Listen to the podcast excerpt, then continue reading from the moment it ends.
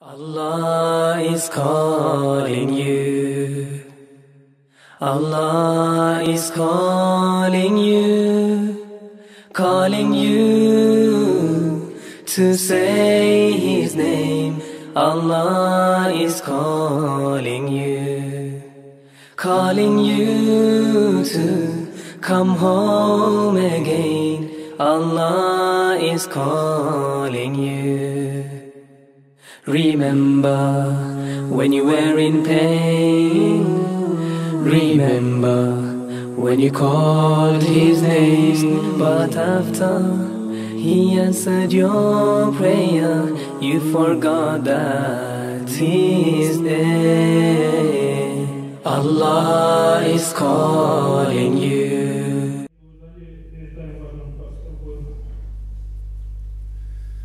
إن الحمد لله نحمده ونستعينه ونستغفره ونتوب إليه ونعوذ بالله من شرور أنفسنا ومن سيئات أعمالنا. ما يهده الله فلا مضل له وما يضلل فلا هادي له. وأشهد أن لا إله إلا الله وحده لا شريك له. وأشهد أن محمدا عبده ورسوله صلى الله تعالى عليه وعلى آله وصحبه وسلم. فكترك أمته على محجة البيضاء ليلها كنهارها لا يزيغ عنها بعد إلا هالك فإن أصدق الحديث كتاب الله وخير الهدي هدي محمد صلى الله عليه وسلم وشر الأمور محدثاتها وكل محدثة بدعة وكل بدعة ضلالة وكل ضلالة في النار Poslije zahvale Allahu subhanahu wa ta'ala pošto smo donijeli salavat i selam na našeg posljednjeg poslanika i na Allahu okmiljenika Muhammeda sallallahu alaihi wa sallam. Draga braćo, poštovane sestre, salamu alaikum wa rahmetullahi wa barakatuh. Kažu da je Rabiul Ewal mjesec promjena i zbog poslanikovog sallallahu alaihi wa sallam rođenja u njemu kaže se da je to mjesec preporoda. A osnova svakog preporoda i osnova svake promjene jeste zacrtani cilj i jesu visoke ambicije. Ako želimo da definišemo šta je to ambicija, možemo reći da to označava težnju za ličnim napredovanjem, da je to težnja za uspjehom, da je to težnja za društvenim ugledom, odnosno ambicija je sve ono čemu određeni pojedinac teži. Mi muslimani kada govorimo o ambicijama, tu mislimo i na zajedničke ambicije i određene naše zajedničke ciljeve koje je obaveza da imamo mi kao zajednica, kao džemat. A s druge strane govorimo i o pojedinačnim ambicijama koji mora nositi svak od nas za sebe. S druge strane, kada govorimo o ambicijama, mislimo i na dunjalučke ciljevi i ambicije, a također mislimo i na ahiretske. Nalazimo da je Omer radijallahu ta'ala anhu jedne prilike sreo mladića koji je bio bez ikakvog posla. Nije se bavio ni čim. Pa ga je Omer radijallahu ta'ala anhu ukorio Omerovim ukorom i rekao mu da ne voli da vidi svoju omladinu da budu se behlelen, kako je on to izrazio.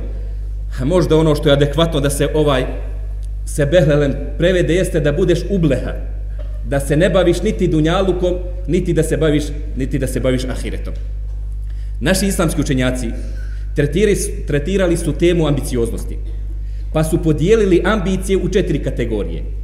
Rekli su na prvo mjesto su oni ljudi koji imaju visoke ambicije i svjesni su da te ambicije mogu da ostvare. I to je ono što mi nazivamo ambicioznim ljudima. Poslije njih dolazi kategorija ljudi koja i pored toga što ima afiniteta i što ima mogućnosti, ipak ne gaji velike ambicije, niti postavlja sebi velike ciljeve. Takve mi nazivamo neambicioznim ljudima.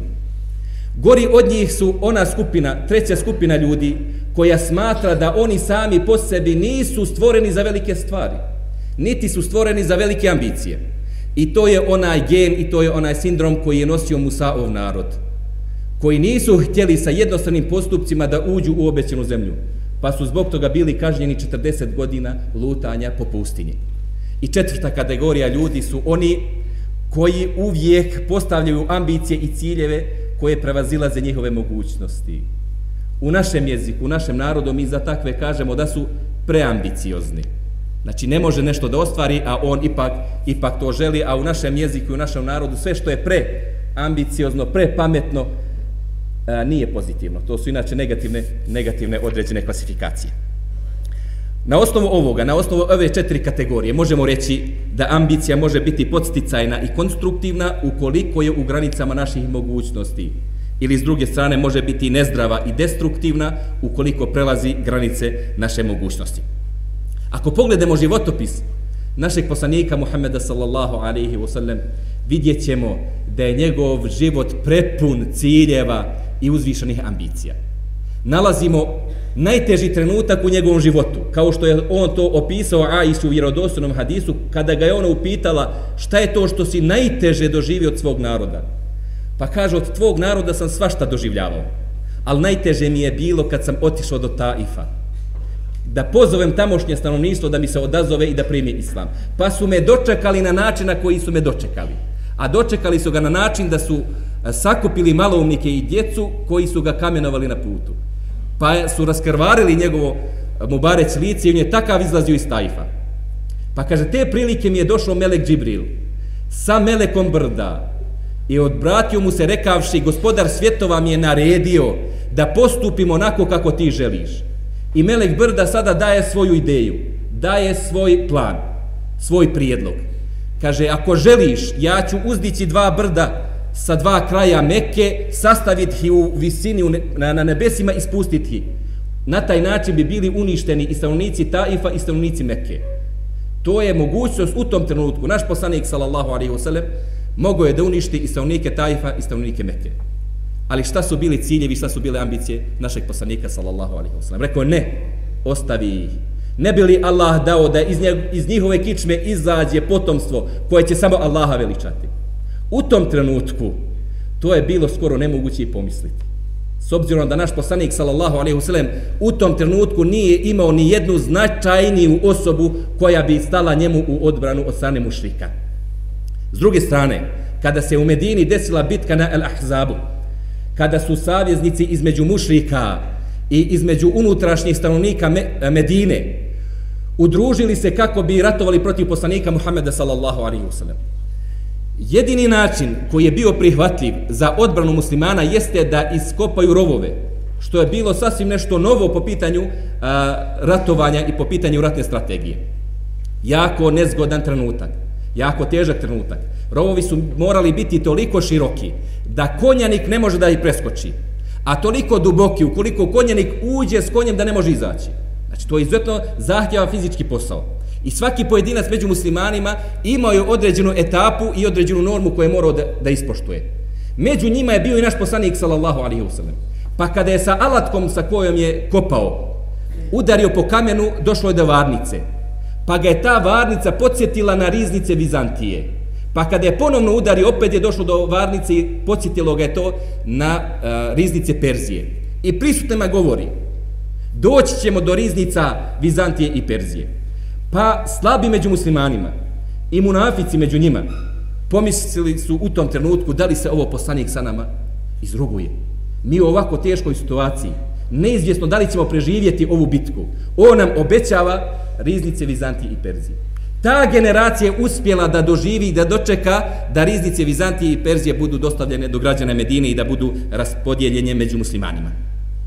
Pored toga što je sam imao visoke ambicije, naš poslanik sallallahu alejhi ve sellem je savjetovao ummet, savjetovao je ostale muslimane da budu visoki ambicija. Dokaz tome je hadis kada kaže ukoliko tražite od Allaha džennet, tražite džennet Firdeus. Hoće reći, ukoliko radite za džennet, radite za najveće deređe dženneta.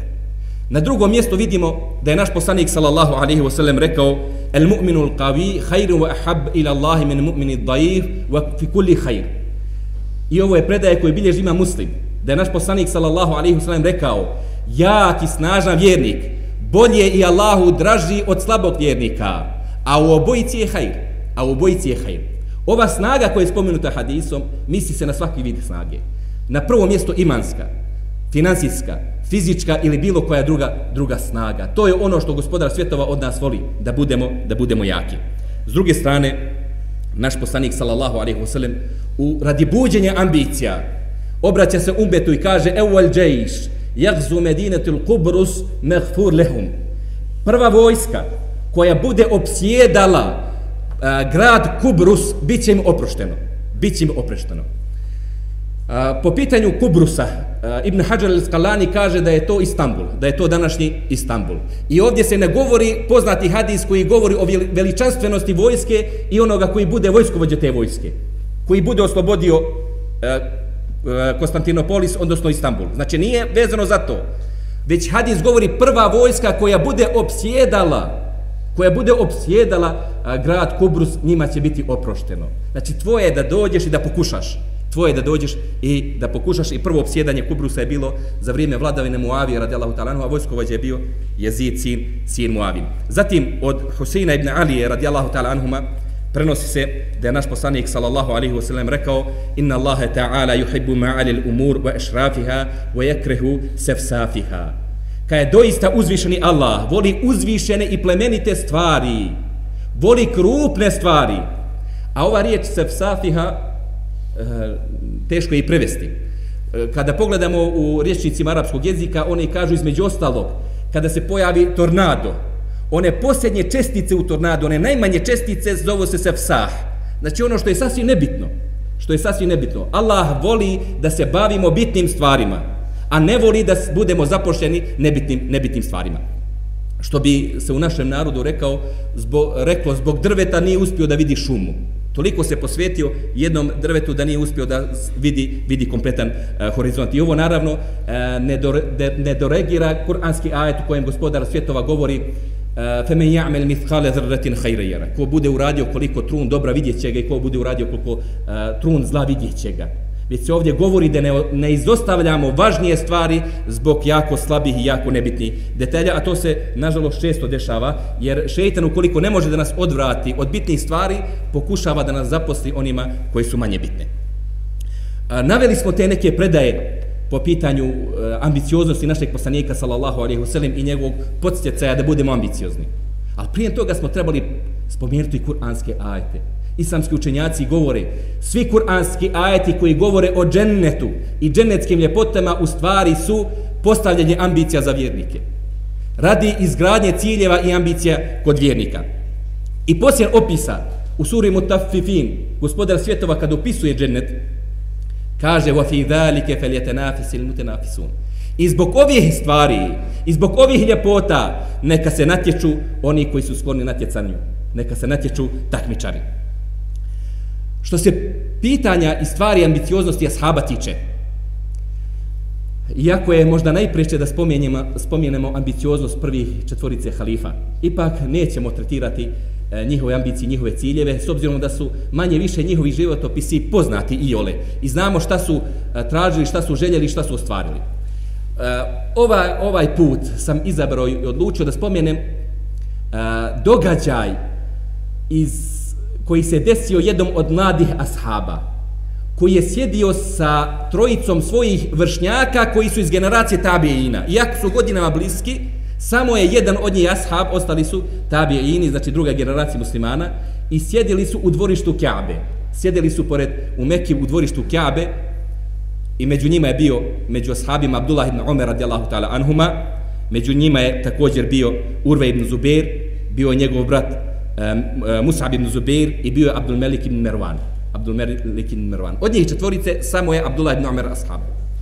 Pa kaže se da je tada Musab ibn Zubair rekao šta biste vi voljeli da ostvarite u svom životu.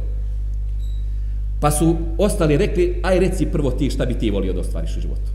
Pošli od sebe. Pa tada Musab ibn Zubair kaže, volio bi da budem namjesnik Iraka. I volio bi da oženim Sekinu šćerku Huseinovu i da oženim Ajšu šćerku Talhe ibn Ubejdullaha. Pa kaže na to, znači ovo su dvojica ljudi kojima je obećan džennet. Želi Ali, odnosno Huseinovu šćerku, To je potomstvo našeg poslanika Muhameda sallallahu alaihi wasallam. A otac joj prvak mladić u džennetu. I porijeklom, i znanjem, i ljepotom, i bogatstvom, znači bira najbolje. I druga šćerka od Talha ibn Ubejdullaha, a također i Talha ibn Ubejdullah je jedan od desetorica obradovanih dženetom. Pa je kaže na tom polju radio, Pa tokom vladavine njegovog brata Abdullah ibn Zubair je bio 9 godina uh, halifa uh, Hidžaza i Iraka. Tokom tih 9 godina postavio je svoga brata Musa'aba ibn Zubaira da bude namjesnik Iraka. Znači, ostvarilo mu se da bude namjesnik Iraka. A s druge strane, radio je po pitanju ženitbe, pa je uspio isprositi ono koje je želio i za svaku je udijelio vjenčanog dara 500.000 srebrnjaka. Pola miliona srebrnjaka za jednu, pola sre, a, milione srebrnjaka za, za drugu. Pored toga, za njihovo opremanje, za nevestino opremanje je dao također po pola miliona srebrnjaka. To je cifra koja je izuzetno velika i dan danas. A pogotovo, a pogotovo u taj vakat. Znači vidimo Musa ibn Zubeir poželio je šta je poželio i ostvario je ono što je poželio. Njegov brat Urve ibn Zubeir došao je na njega red da on progovori šta bi on volio. Pa kaže ja bih volio da budem fakih, ja bih volio da budem islamski pravnik. I ja bih volio da prenosim hadise našeg poslanika Muhameda sallallahu alaihi wa sallam. Pa je radio na ostvarenju toga cilja. I učio je pred Aishom radijallahu ta'ala anha. I učio je pred mnogim drugim ashabima. Tako da je sakupio izuzetno veliki broj hadisa kod sebe. Što se tiče njegove učenosti i po pitanju njegovog fikha, ubraja se u sedam pravnika Medine. A to su sedam najučenijih ljudi iz druge generacije muslimana. Iako je njih devetorica u osnovi, to je jedna stvar koju mnogi ne znaju. Kada se govori o sedam pravnika Medine, to je u stvari devet ljudi. Jer postoji razilaženje oko nekih, tako da nakraj ispadne da je ukupno devetorica. Ali bez imalo razilaženja, on je bio jedan, jedan e, među njima. U svojoj generaciji, u sedmoricu najučenijih ljudi se ubrajao po poznavanju fika i po prenošenju hadisa našeg poslanika, sallallahu alaihi wasallam. Za njega ste najvjerovatnije čuli. U predaji koji govori kada je jednom od e, tabiina trebala biti amputirana noga.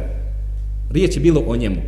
Pa su mu tamošnji ljekari, tadašnji ljekari ponudili da popije piće koje će malo diskonektovati njegovo razmišljanje. Najvjerojatnije da je bilo opojno piće, što je on odbio pod svaku cijenu i rekao, dozvolite mi da zanijetim, dozvolite mi da pristupim u, na, u namaz.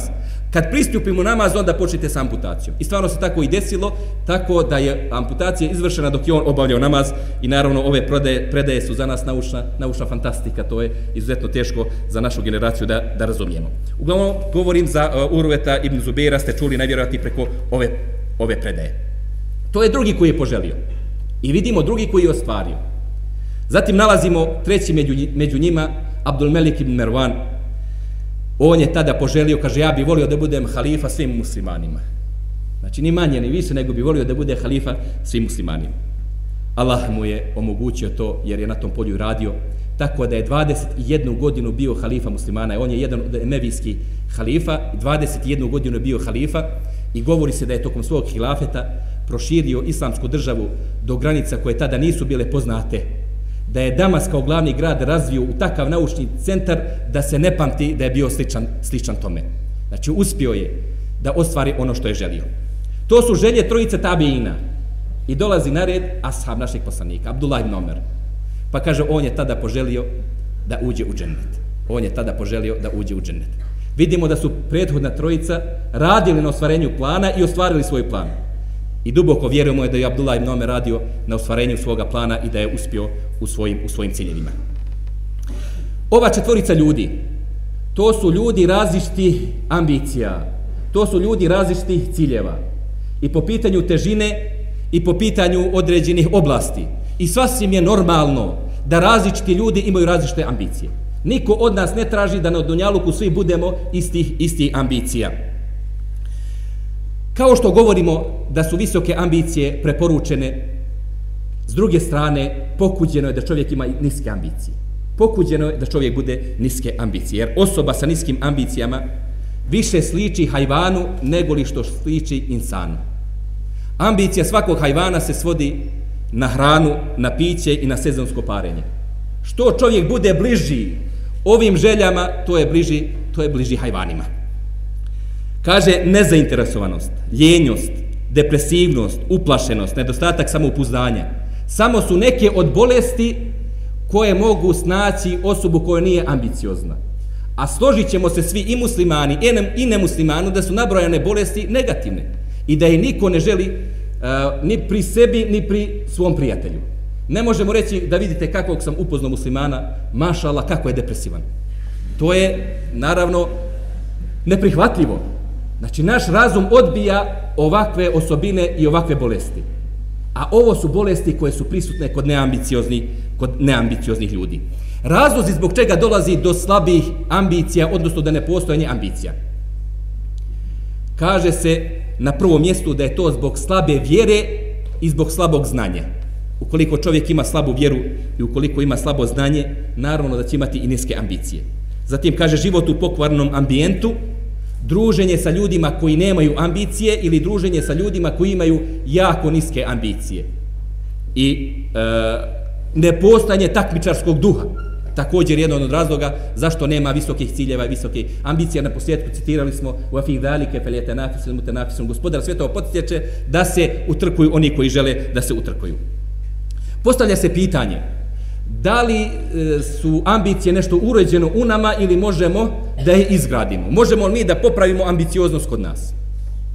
U tom kontekstu, Ebu Darda radijallahu ta'ala anhu prenio je hadis od našeg poslanika sallallahu alaihi wasallam u kojem kaže innama ilmu bit ta'allumi wa innama hilmu bit tahallumi kaže doista se znanje stječe učenjem a doista se blago stječe trudom da budeš blag Pa zatim nastavlja naš poslanik sallallahu alejhi ve sellem kaže onaj koji bude tražio, ko bude težio dobru, dobro će mu biti dato.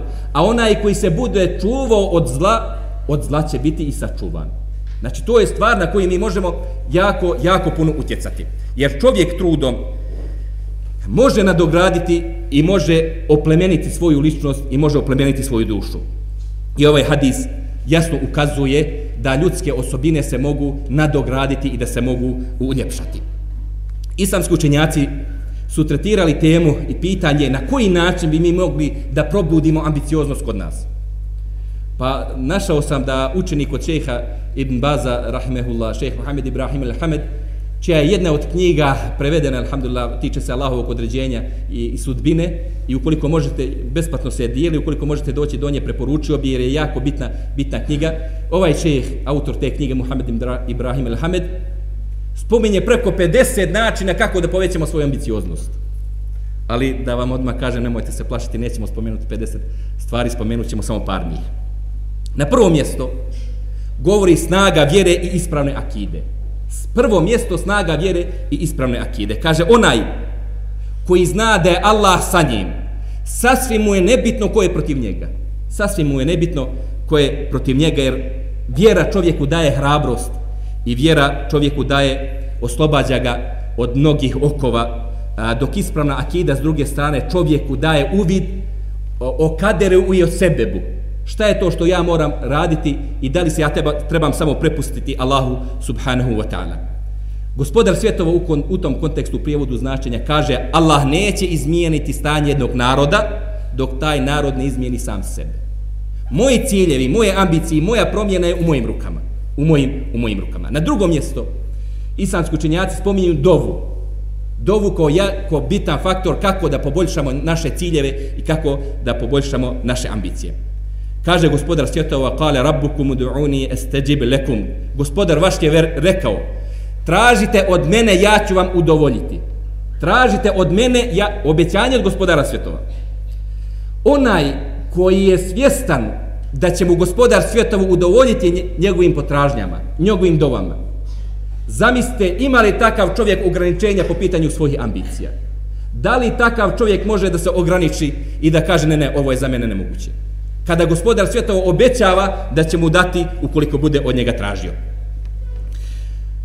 Na, sa aspekta dove, ne samo da će nam gospodar svjetova udovoljiti ukoliko budemo tražili da nam se povećaju ciljevi i ambicije, nego traženjem tih stvari, mi samim tim definiramo šta je to kod nas cilj. Jer najveći problem kod pojedinca što ne zna da objasni svoj cilj. Mi smo tokom studija u Medini imali par seminara sa našim određenim autoritetima a, gdje se govorilo na temu, jednodnevni seminar na temu kako odrediti svoje ciljeve, kako postaviti svoje prioritete ili slično tome. S obzirom da su teme ovako nisu dovoljno zvučale šerijatski, često smo bili nezadovoljni e, upisima, ali hajde da vidimo o čemu se radi. Iz povjerenja prema tim profesorima. Da bi posljen e, tog radnog dana bili prezadovoljni što smo tu prisustvovali. I desilo bi se na početku seminara da šejh kaže, haj molim te reci mi i odabere nekog među nama, koji su tvoji ciljevi? Pa dok on je već upitao nekog, bojeći se da ne bude mi ja upitan, ja već razmišljam, stvarno šta su moji ciljevi, šta bi ja, šta bi ja trebao da spomenem ukoliko, ukoliko me bude upitao da se ne zofiram pred rajom, što bi rekli naši. Na kraju dana, razmišljajući cjelodnevni dan provodeći kroz razmišljanje šta su moji ciljevi, bio sam daleko zadovoljniji sobom. Daleko sam bolje poznavao sebe krajem, krajem tog seminara. Tako da i vi se trenutno zapitajte šta su vaši ciljevi. Pa da pokušamo da vidimo i da to malo bolje uobličimo. Vidjet ćemo, naravno, oni su tada tokom tih seminara govorili da ima a, kratkotrani ciljevi, dugotrani ciljevi, ciljevi koji se vežu za dunjalog, ciljevi koji se vežu za ahiret u različitim segmentima, u porodičnim, u poslovnim. U, znači, sve je to na, normalno da čovjek ima svoj više ciljeva i više, više i težnje, samo je jako bitno, jako bitno da ih imamo i jako bitno da saznamo kako da dođemo do ostvarenja tih ciljeva poslanici i vjerovjesnici kada su govorili ka gospodaru podari da ja u svojoj porodici osjetim radost, da moja porodica, moje e, supruga i moja djeca budu radosmeni. I na kraj e, tih kuranskih ajeta kažu وَجَعَلْنَا لِلْمُتَّقِينَ imama. Dove gospodaru svjetova. Kažu gospodaru i učini da mi i naše porodice budemo oni na koji će se bogobojazni ugledati. Pogledajte šta rade vjerovjesnici nisu zadovoljeni sa tim da oni budu bogobojazni, samo sa tim, već žele da budu predvodnici bogobojaznih. Zar to nije stvar ciljeva. A na koji način žele to da ostvare? Na način što traže od gospodara, od gospodara svjetova. Jedan od načina na koji možemo povećati naše ambicije i naše ciljeve jesu učenje Kur'ana sa razmišljanjem i sa razumijevanjem. Jer Kur'an nam daje uvid u historijske događaje i u različite karaktere ljudi, zatim u Kur'anu saznajemo uh, da ra, uspjevamo da rasaznamo šta je to dobro, šta je to loše, uspjevamo da rasaznamo šta je to učenost od neučenosti, šta je to radnik od ljenjivca i oni koji su to oni koji napreduju i koji su to oni koji nazaduju. S druge strane, u Kur'anu nalazimo određene događaje iz budućnosti u kojima se govori o sudnjem danu, gdje će određenim ljudima biti data knjiga u njihovih dobrih dijela u desnu ruku, a određenim ljudima će biti data knjiga u njihovu lijevu ruku. I upoznaje nas kakve su to osobine i dijela ljudi koji će biti data knjiga u desnu, a kakva u njih u lijevu. I mi već na osnovu toga možemo da izgrađujemo ciljeve i ambicije da radimo dijela onih koji će uspjeti na sudnjem, na sudnjem danu. Kur'an je taj koji odgaja umet i Kur'an je taj koji čisti srca, srca i duše. Jedan od načina kako da poboljšamo našu ambicioznost jedna od karakteristika koja se mora naći kod vjernika, a to je ponos i ljubomora. Ponos i ljubomora. Čovjek koji je ponosan na svoju vjeru, uvijek se trudi da ne omalovaži sebe kako ne bi omalovažio svoju vjeru.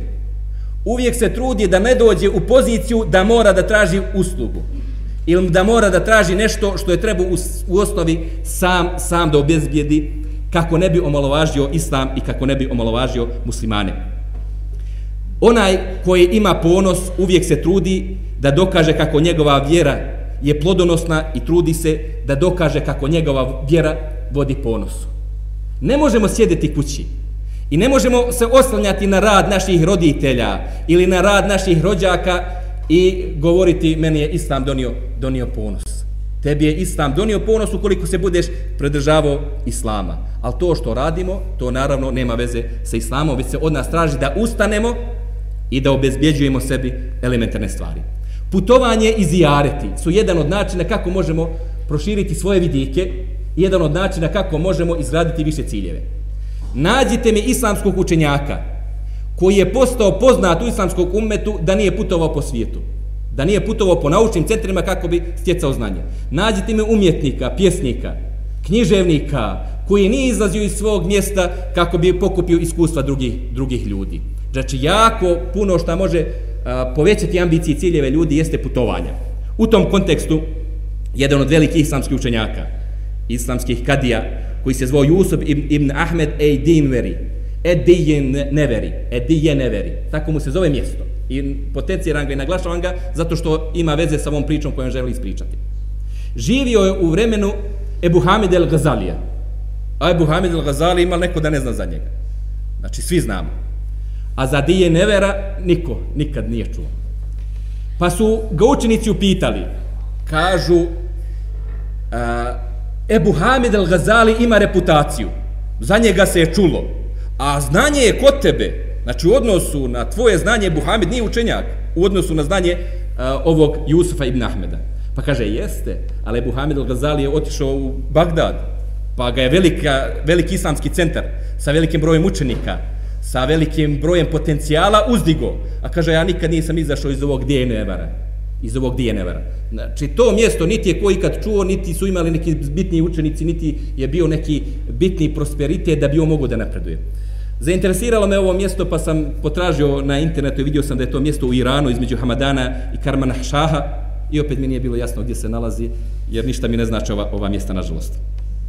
Jedan od načina na koji možemo da ostvarimo i da povećamo naše ciljeve i naše ambicije jesu događaji u umetu i lični životni problemi. I lični životni problemi. Jak stimulans, jak stimulans za svakog čovjeka može, mogu biti problemi i izazovi u njegovom vremenu i u njegovoj okolini. Pogledajte koliko je junaka, heroja i muđahida proizveli to što je došlo do kršćanskih ratova. To su bili uspavane mase, uspavane generacije koje su živjeli u svojim gradovima, u svojim selima, radili ono što rade ostala omladina. Kada su krstaški ratovi, kada su kršćani navali na svetu zemlju, tada su se rodili ti sinovi umeta. Samo po sebi to je bilo negativno, ali je izazvalo da tako nastanu veliki sinovi umeta. Zatim, mnogi napadi, pogotovo agresivni napadi ateista danas i bezbožnika, koliko kod čovjeka probude želju da prezentira islam u pravom svjetlu kada se govori o islamu u negativnom kontekstu, kada dođu maloumnici i govore o muslimanima, laži. Odmah ti se javlja želja da ustaneš i da objasniš šta je, šta je istina. Ali šta je rodilo tu želje kod tebe? Rodio je problem, rodilo je prozivka ono što, što prozivaju islam i, i muslimane. Prisjetimo se perioda Bosne i e, tadašnje takozvane Jugoslavije prije rata, prije 92 nacionalnom, izgubili smo bili nacionalni identitet, nismo se mogli pisati bošnjacima, mogli smo biti Srbi i Hrvati, Crnogorci ili Jugosloveni. Ili Jugosloveni. Sa vjerskog aspekta, oni koji se sjećaju tog perioda, svjedoci su da su samo stariji ljudi išli u džamiju, to je jako mali broj. U mom mjestu se spominje da Efendija jedne prilike nije mogao da obavi džumu namaz zato što je bio samo on jedan stari djed i jedan malo, malo dobro dijete koje oni nisu računali nije obavezna džuma, pa ga nisu računali u džematlije i nisu ispunili uslov da bude trojica ljudi da se održi džuma. Zamisli, dođe Efendija u džamiju, jedan dedo, jedno dijete, kaj klanja ćemo podne, nema danas džume jer nema džemata. To je bilo predratni, predratni period. Šta se, šta se desilo? Desio se rat koji je donio veliko zlo. Rat je donio veliko zlo. 200.000 uh, umrli, poginulih i ono što je bilo po pitanju razaranja e, zemlje, kuća i, i porodica, džamija, definitivno nešto što je zlo. A šta je to sa sobom donijelo? Donijelo je povećanje svijesti. Pa danas, alhamdulillah, u Bosni i Hercegovini, u historiji Islama, nikad nije bio veći broj džamija nego što je danas. Pogledajte omladinu, alhamdulillah. Mi e, na Iliđi u džami nemamo gdje klanjati. Često moramo ostati vani zato što je džamija pretjesna da primi sve klanjače. Naravno, očekujemo i preželjkujemo dan kada će na sabahu biti tako, ali ja sam ubijeđen i šalatala da ćemo i to, i to ostvariti. Vratilo nam je svijest o našoj kulturi, o našoj vjeri, vratilo nam je svijest o našoj naciji. Pogledajte koji je kompleks bio kod nas. Govorili smo tim jugoslovenskim, srpsko-hrvatskim jezikom. A prvi rječnik u regionu je bosansko-turski rječnik, koji je e, napisan još davne 1631. godine. 1631. godine. Srpski rječnik će nastati tek 200 godina poslije toga. Pa zašto bi se jezik koji govori ovaj narod u ovoj regiji zvao srpskim jezikom? Ako je naš rječnik najstariji. E, kompletno povraćanje ovih informacija i povraćanje svijesti ovim stvarima se desio tek poslije musibeta i poslije nevolja koje, koje je proizveo rat koji preuzeo se rat. A sve je to dokaz da nekada životne nedaće mogu da kod nas probude određene pozitivnosti. Ne znam da li se sjećate, prije par godina bila je po, pojavili su se karikature na, naš, na račun našeg poslanika Muhameda sallallahu alaihi wasallam. I koliko se sjećam, Danska je bila prva po pitanju toga. U taj period sam bio student. Ne možete vjerovati koliko je to izazvalo uh, tugu u srcima muslimana. U Medini našeg poslanika Muhameda sallallahu alejhi ve sellem. Nije bilo čovjeka s kojim si sjeo u, ta, u tim danima da nisu govorili o toj problematici i da nisu govorili o tome kako da povratimo i da prezentiramo lik našeg poslanika u onom svijetlu kojem on jeste. Javili su odmah određene parole koje je omladina lijepila na svojim autima žrtvovaću za tebe i oce i majku Allahu poslaniče. Znači već se javlja ona želja da se žrtvujemo za našeg poslanika. Zatim dolazi do ideje o prevođenju uh, sire našeg poslanika na evropske jezike. I znam tada da su ostvareni fenomenalni rezultati po tom pitanju Šta je proizvelo, kako se probudila ta svijest kod nas? Problemima, uvredama. Najprije treba neko da nam uvrijedi poslanika, da nam se javi životni problem, pa onda mi da ustanemo. E izgleda da umet opet očekuje i traži da neko počne vrijeđati islam i muslimane, pa onda da ustanemo, da prezentiramo. Kada govorimo o temi životnih problema i koliko oni mogu utjecati na promjenu cilja i ambicije, ekstremni primjer nalazimo kod, predislam, kod predislamskih Arapa, kod jednog pjesnika, zvao se Imraul Qais ibn Hajar el-Kendi. Imraul Qais ibn Hajar el-Kendi. To je jedan od uh, pjesnika džahilijeta, prije dolaske Islama. Njegov otac, uh, Hajar se zvao, bio je, eh, nazovite neki vid kralja, vladara, držao je Hidžaz i držao je pokrajinu prema Jemenu. Pustinja, pustara, nema nikakvu vrijednost tada, sada zbog nafte je malo postala atraktivnije. Kao takav, s obzirom da je bio sin vladara, kaže se da se bio je posvećen igri, bio je posvećen razonodi, bio je posvećen obilasku žena i konzumiranju alkohola i uživao je sve one blagodati koje sa sobom donosile ti dobro finansijsko stanje njegovog oca jedan od, jedna od arapskih plemena organizirala se i e, likvidirala njegovog oca. I u, uspjela da pokrade kompleta njegov imetak.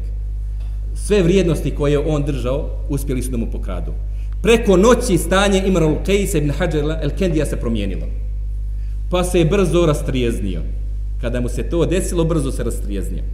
Pa se zaklao svojim božanstvom, s obzirom da je bio mušrik u taj period zakleo se svojim božanstvom da niti će jesti meso, niti će piti vino, niti će se kupati, niti će prilaziti svojoj ženi, sve dok ne osvijeti svoga oca i dok ne povrati svoju vlast.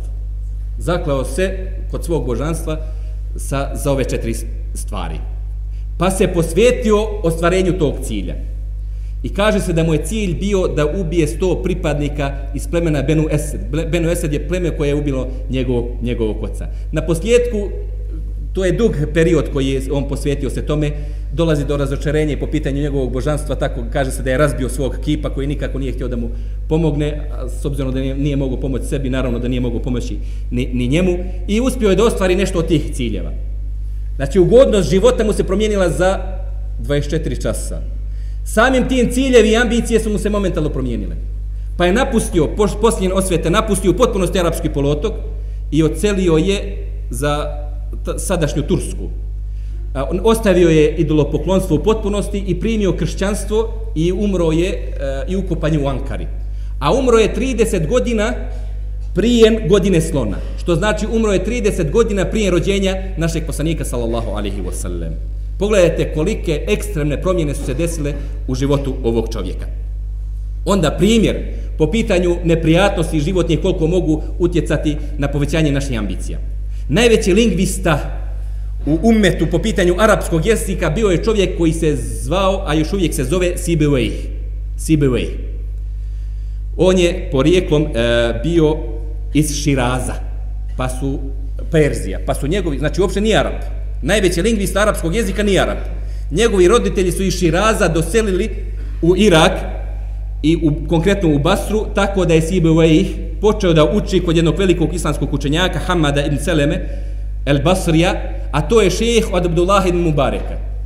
Isti šejh od Abdullah ibn Mubareka, o Abdullah ibn Mubareku ste najvjerovatnije čuli, i ima tvrdnje da je bio uh, hanefijskog uh, mesheba, za, s obzirom da je bio prijatelj sa imamom Ebu Hanifom, ali najvjerojatnije da nije bio meshebski prijatelj, ali sasvim nije, nije ni bitno, nije tema koja se nas sada uh, tiče.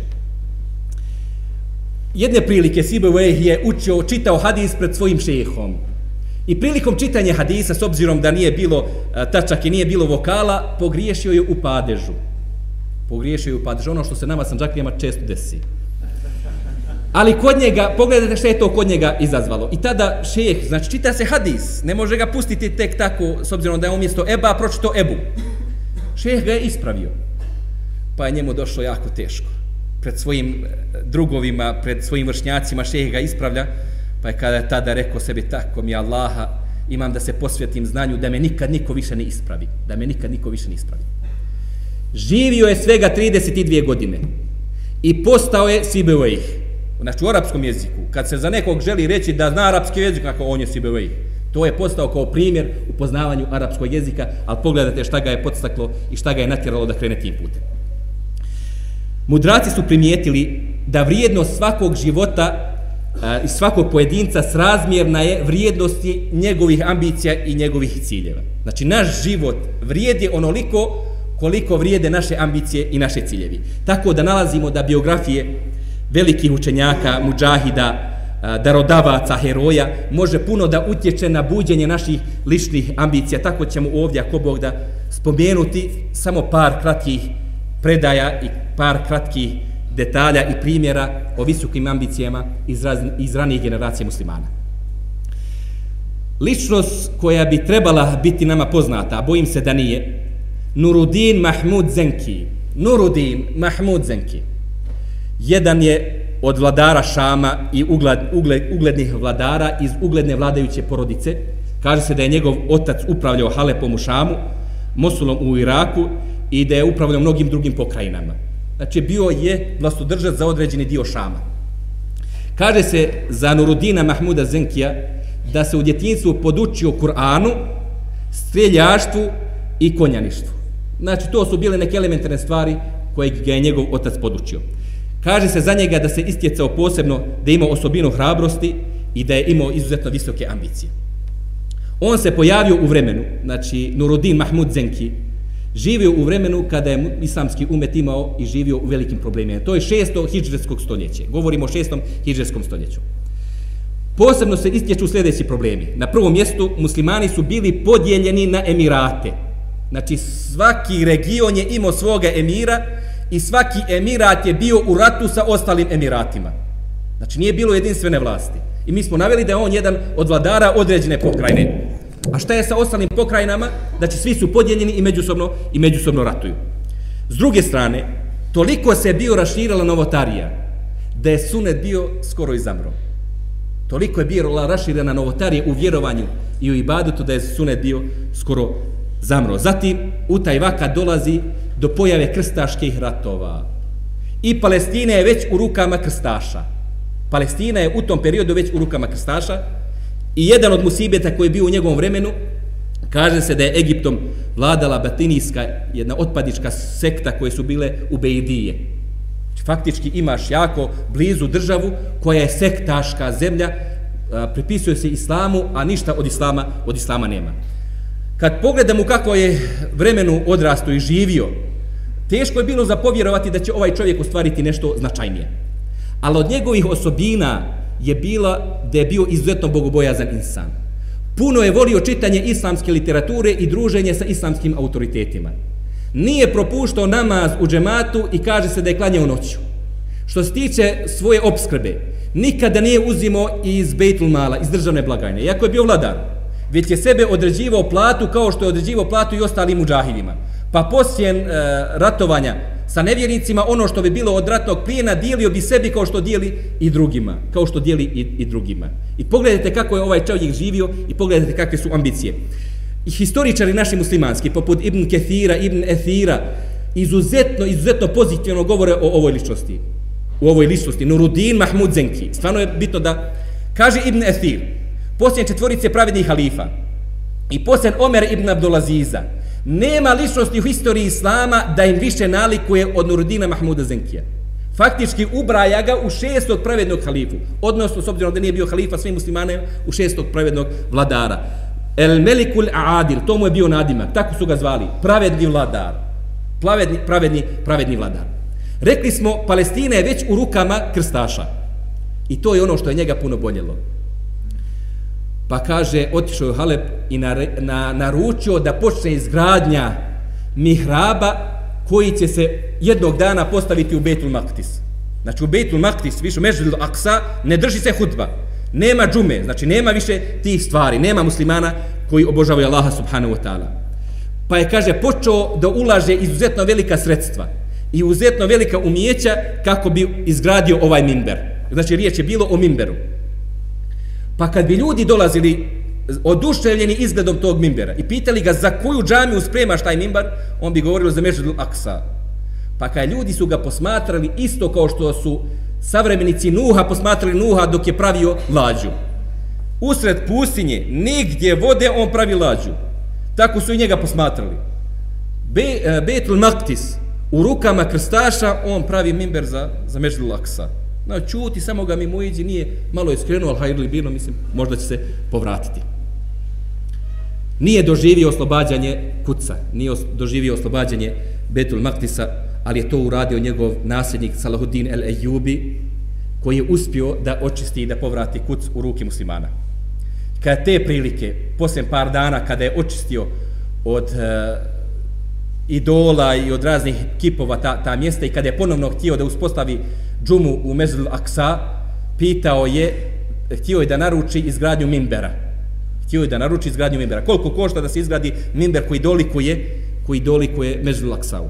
Pa su se e, ljudi prisjetili, kada je bio Nurudin Zenki, i znamo da je pravio Mimber, ne postoji danas u umetu ljepši, niti dragocijeniji. Pa je, kaže Salahudin Ejubi, naredio da se taj Mimber donese i da se postavi u Mezul Aksa. A od završetka Mimbera do njegovog postavljanja prošlo je 20 godina. Prošlo je 20 godina. On je na taj način želio da probudi cilj kod muslimana, ja pravim mimber za Mežidul Aksa. Nemojte da se pomirite sa tim da on nije u rukama muslimana. Nemojte da se pomirite sa tim da on je u rukama muslimana. I vidimo na ovaj način koliko je uspio i koliko je stvari ovaj čovjek. Također ekstremni primjer uspjeha u svom životu nalazimo kod jednog velikog islamskog učenjaka. Govorimo uspjeha sa aspekta problema s kojima se ovaj čovjek sretao. Riječ je o šehhul islamu ibn Temiji. Šehhul islamu ibn Temiji. U osnovi, najvjerojatnije da ste puno slušali o njemu, jer definitivno čovjek koji zaslužuje da se o njemu zna. Ali spomenut ćemo da je samo po pitanju jednog kuranskog ajeta Kul huvallahu ahad. Reci, on je Allah jedan. Napisao je tom kompletnu knjigu tumačeći samo ovaj ajet. A po pitanju kuranskog ajeta Ar-Rahman al-Alil arši steva milostivi se nad aršom uzvisio napisao je 35 bilješki, napisao je 35 različitih svesaka. 35 različitih svesaka gdje samo objašnjava i tumači ovaj kuranski ajet. A, dio svog života proveo u zatvoru. Konkretno spominje se da je sedam put bio u zatvoru i posljednji put, sedmi put je u zatvoru proveo dvije godine, tri mjeseca i 14 dana. Ukupno je oko pet godina bio u zatvoru. To je izuzetno dug, dug period. Pored toga, također su bili, bilo vrijeme krstaških ratova. Zato je on i morao, njegova porodica je mora, morala napustiti njegovo rodno mjesto i doseliti u Damask, zato što su krstaši zauzeli, odnosno konkretno Tatari su zauzeli, e, tada je bio problem sa Mongolima, sa Tatarima. Kaže, muslimani su bili podijeljeni u njegov vakat. To nam je nešto poznato. Zatim se kaže da je bio nepodoban politički. Živio u vremenu kada nije baš išao na ruku vladajućoj strukturi. Tako da nikad nije imao titulu, zapoštenje, platu, znači nikad ništa, samo ako može da bude osporavan, zbog toga su ga sedam puta zatvarali. I sam njegov boravak u zatvoru sedam puta trebalo je da utječe da nikad ne postigne nešto značajnije. A da vidimo šta je ovaj čovjek postigao. Po pitanju ibadeta, spominje njegov učenik Ibn Kajim, da je jedne prilike klanjao u istom mesđidu gdje je klanjao šehhul islam temije. Pa kaže, ja sam bio iza njega bio je sabah namaz u pitanju. Pa kaže, kada su se vratili, kada je završen sabah, ljudi su polako izlazili, izlazili, izlazili, sve dok u mesđidu nije ostao samo šehhul islam temi na svojem mjestu sjedeći, kaže, i ja iza njega. I on me nije vidio. pa kaže spominjuje Allaha i učio Kur'an sve skoro do predpodne namaz. Pa predpodne namaz se okrenuo i vidio me. Pa je tada rekao, ovo je moja duhovna hrana. Kad ne bi upražnjavao ovo svaki dan, ne bi imao svoju snagu. Ne bi imao svoju snagu. Znači, vidimo po pitanju ibadeta. A skoro sam pročitao e, primjer po pitanju broja hatmi koju je u, zaklopio tokom posljednje dvije godine e, boravku u zatvoru. Znači, izuzetno veliki broj hatmi je e, u zatvoru. To je njegov ibadet. Znači, ove stvari, loši uslovi životni, problemi umetu, nimalo nisu utjecali po pitanju njegovog ibadeta. Što se tiče njegovih učenika, da vidimo šta je ostvario, je ostavio ikakve učenike iza sebe. Dovoljno je spomenuti Ibn Kethira, dovoljno je spomenuti Ibn Kajma, dovoljno je spomenuti Zehebija. To su imena koje nama danas puno znače. Zar nije tu tefsir od Ibn Kethira? Zar tu nisu mnogobrune knjige od Ibn Kajma? Pogledajte šta je ostavio po pitanju učenika. Što se tiče pisanih dijela,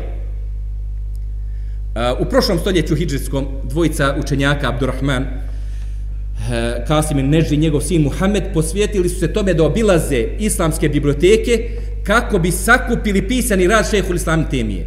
40 godina su proveli po pitanju toga. Sve poznate mektebe u arapskom svijetu, u islamskom svijetu su obišli, čak se spominje da su radi tog cilja išli i u nacionalnu biblioteku u Pariz, da bi izvukli pisani rad šehu islam temije.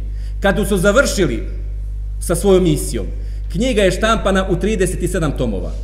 37 tomova je ostalo pisanog rada šehhul samim temije, a nije uvršteno sve što je, što je napisao. Njegov učenik Zehebi govori da je šehhul samim temije iza sebe ostavio 500 napisanih knjiga.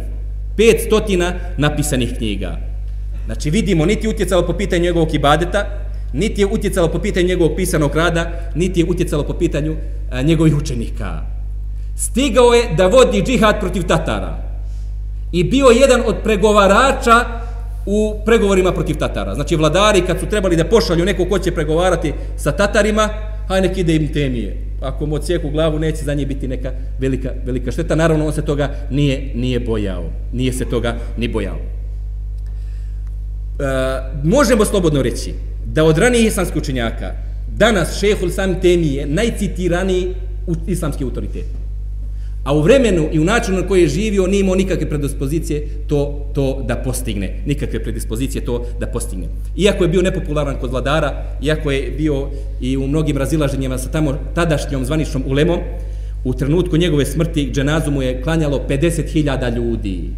A kaže se kako se vijest o njegovoj smrti širila, tako se u različitim pokrajinama ustajale bi imami posle namaza, prvi namaz koji nastupi, pošto sazna da je šef Lusam preselio, pa bi se obratio džematlima i rekao, preselio jedan veliki islamski učenjak, jedan veliki islamski autoritet, danas ćemo mu klanjati dženazu u odsutnosti, tako da je dženaza u odsutnosti klanjata i u mnogim drugim mjestima. Također, iz moderne historije nalazimo primjer Omera Muhtara. Omer Muhtar, rahimehullah, kojeg su neprijatelji Libije, tamo, tadašnji neprijatelji Libije, a najvjerojatniji sadašnji italijani, likvidirali u 73. godini života starca u 73. godini života su likvidirali. Kada su ga objesili, iskopali su kabur koji je bio dublji nego inače. Kada su ga ukopali, pored kabura su postavili stražara da ipak pričeka ne, možda on izađe. Možda on izađe. Starca od 73 godine a, boji se vojska, boji se, boji se naoružana a, jedna a, država koja je mogla puno, puno da uradi po tom, po tom pitanju. Što nam dokazuje da starost i što nam dokazuje da određeni hendikepi životni ne moraju utjecati po pitanju naših ambicija i po pitanju naše snage. Primjer Ahmeda Jasina Rahimehullah. I to je ime koje bi bilo šteta da se zaboravi. To je ime koje bi bilo šteta da se zaboravi. Bio je paraplegičar. Čovjek koji je bio vezan za invalidska kolica. Nepokretan. Pored toga spominje se da je bio slijep slijepac, nepokretni čovjek. I spominje se da u trenutku smrti imao 67 godina. Nepokretan, slijep, star. To je bila najveća prijetnja njihovog postojanja i njihove državnosti. Paraplegičar, slijepac u 67. godini života.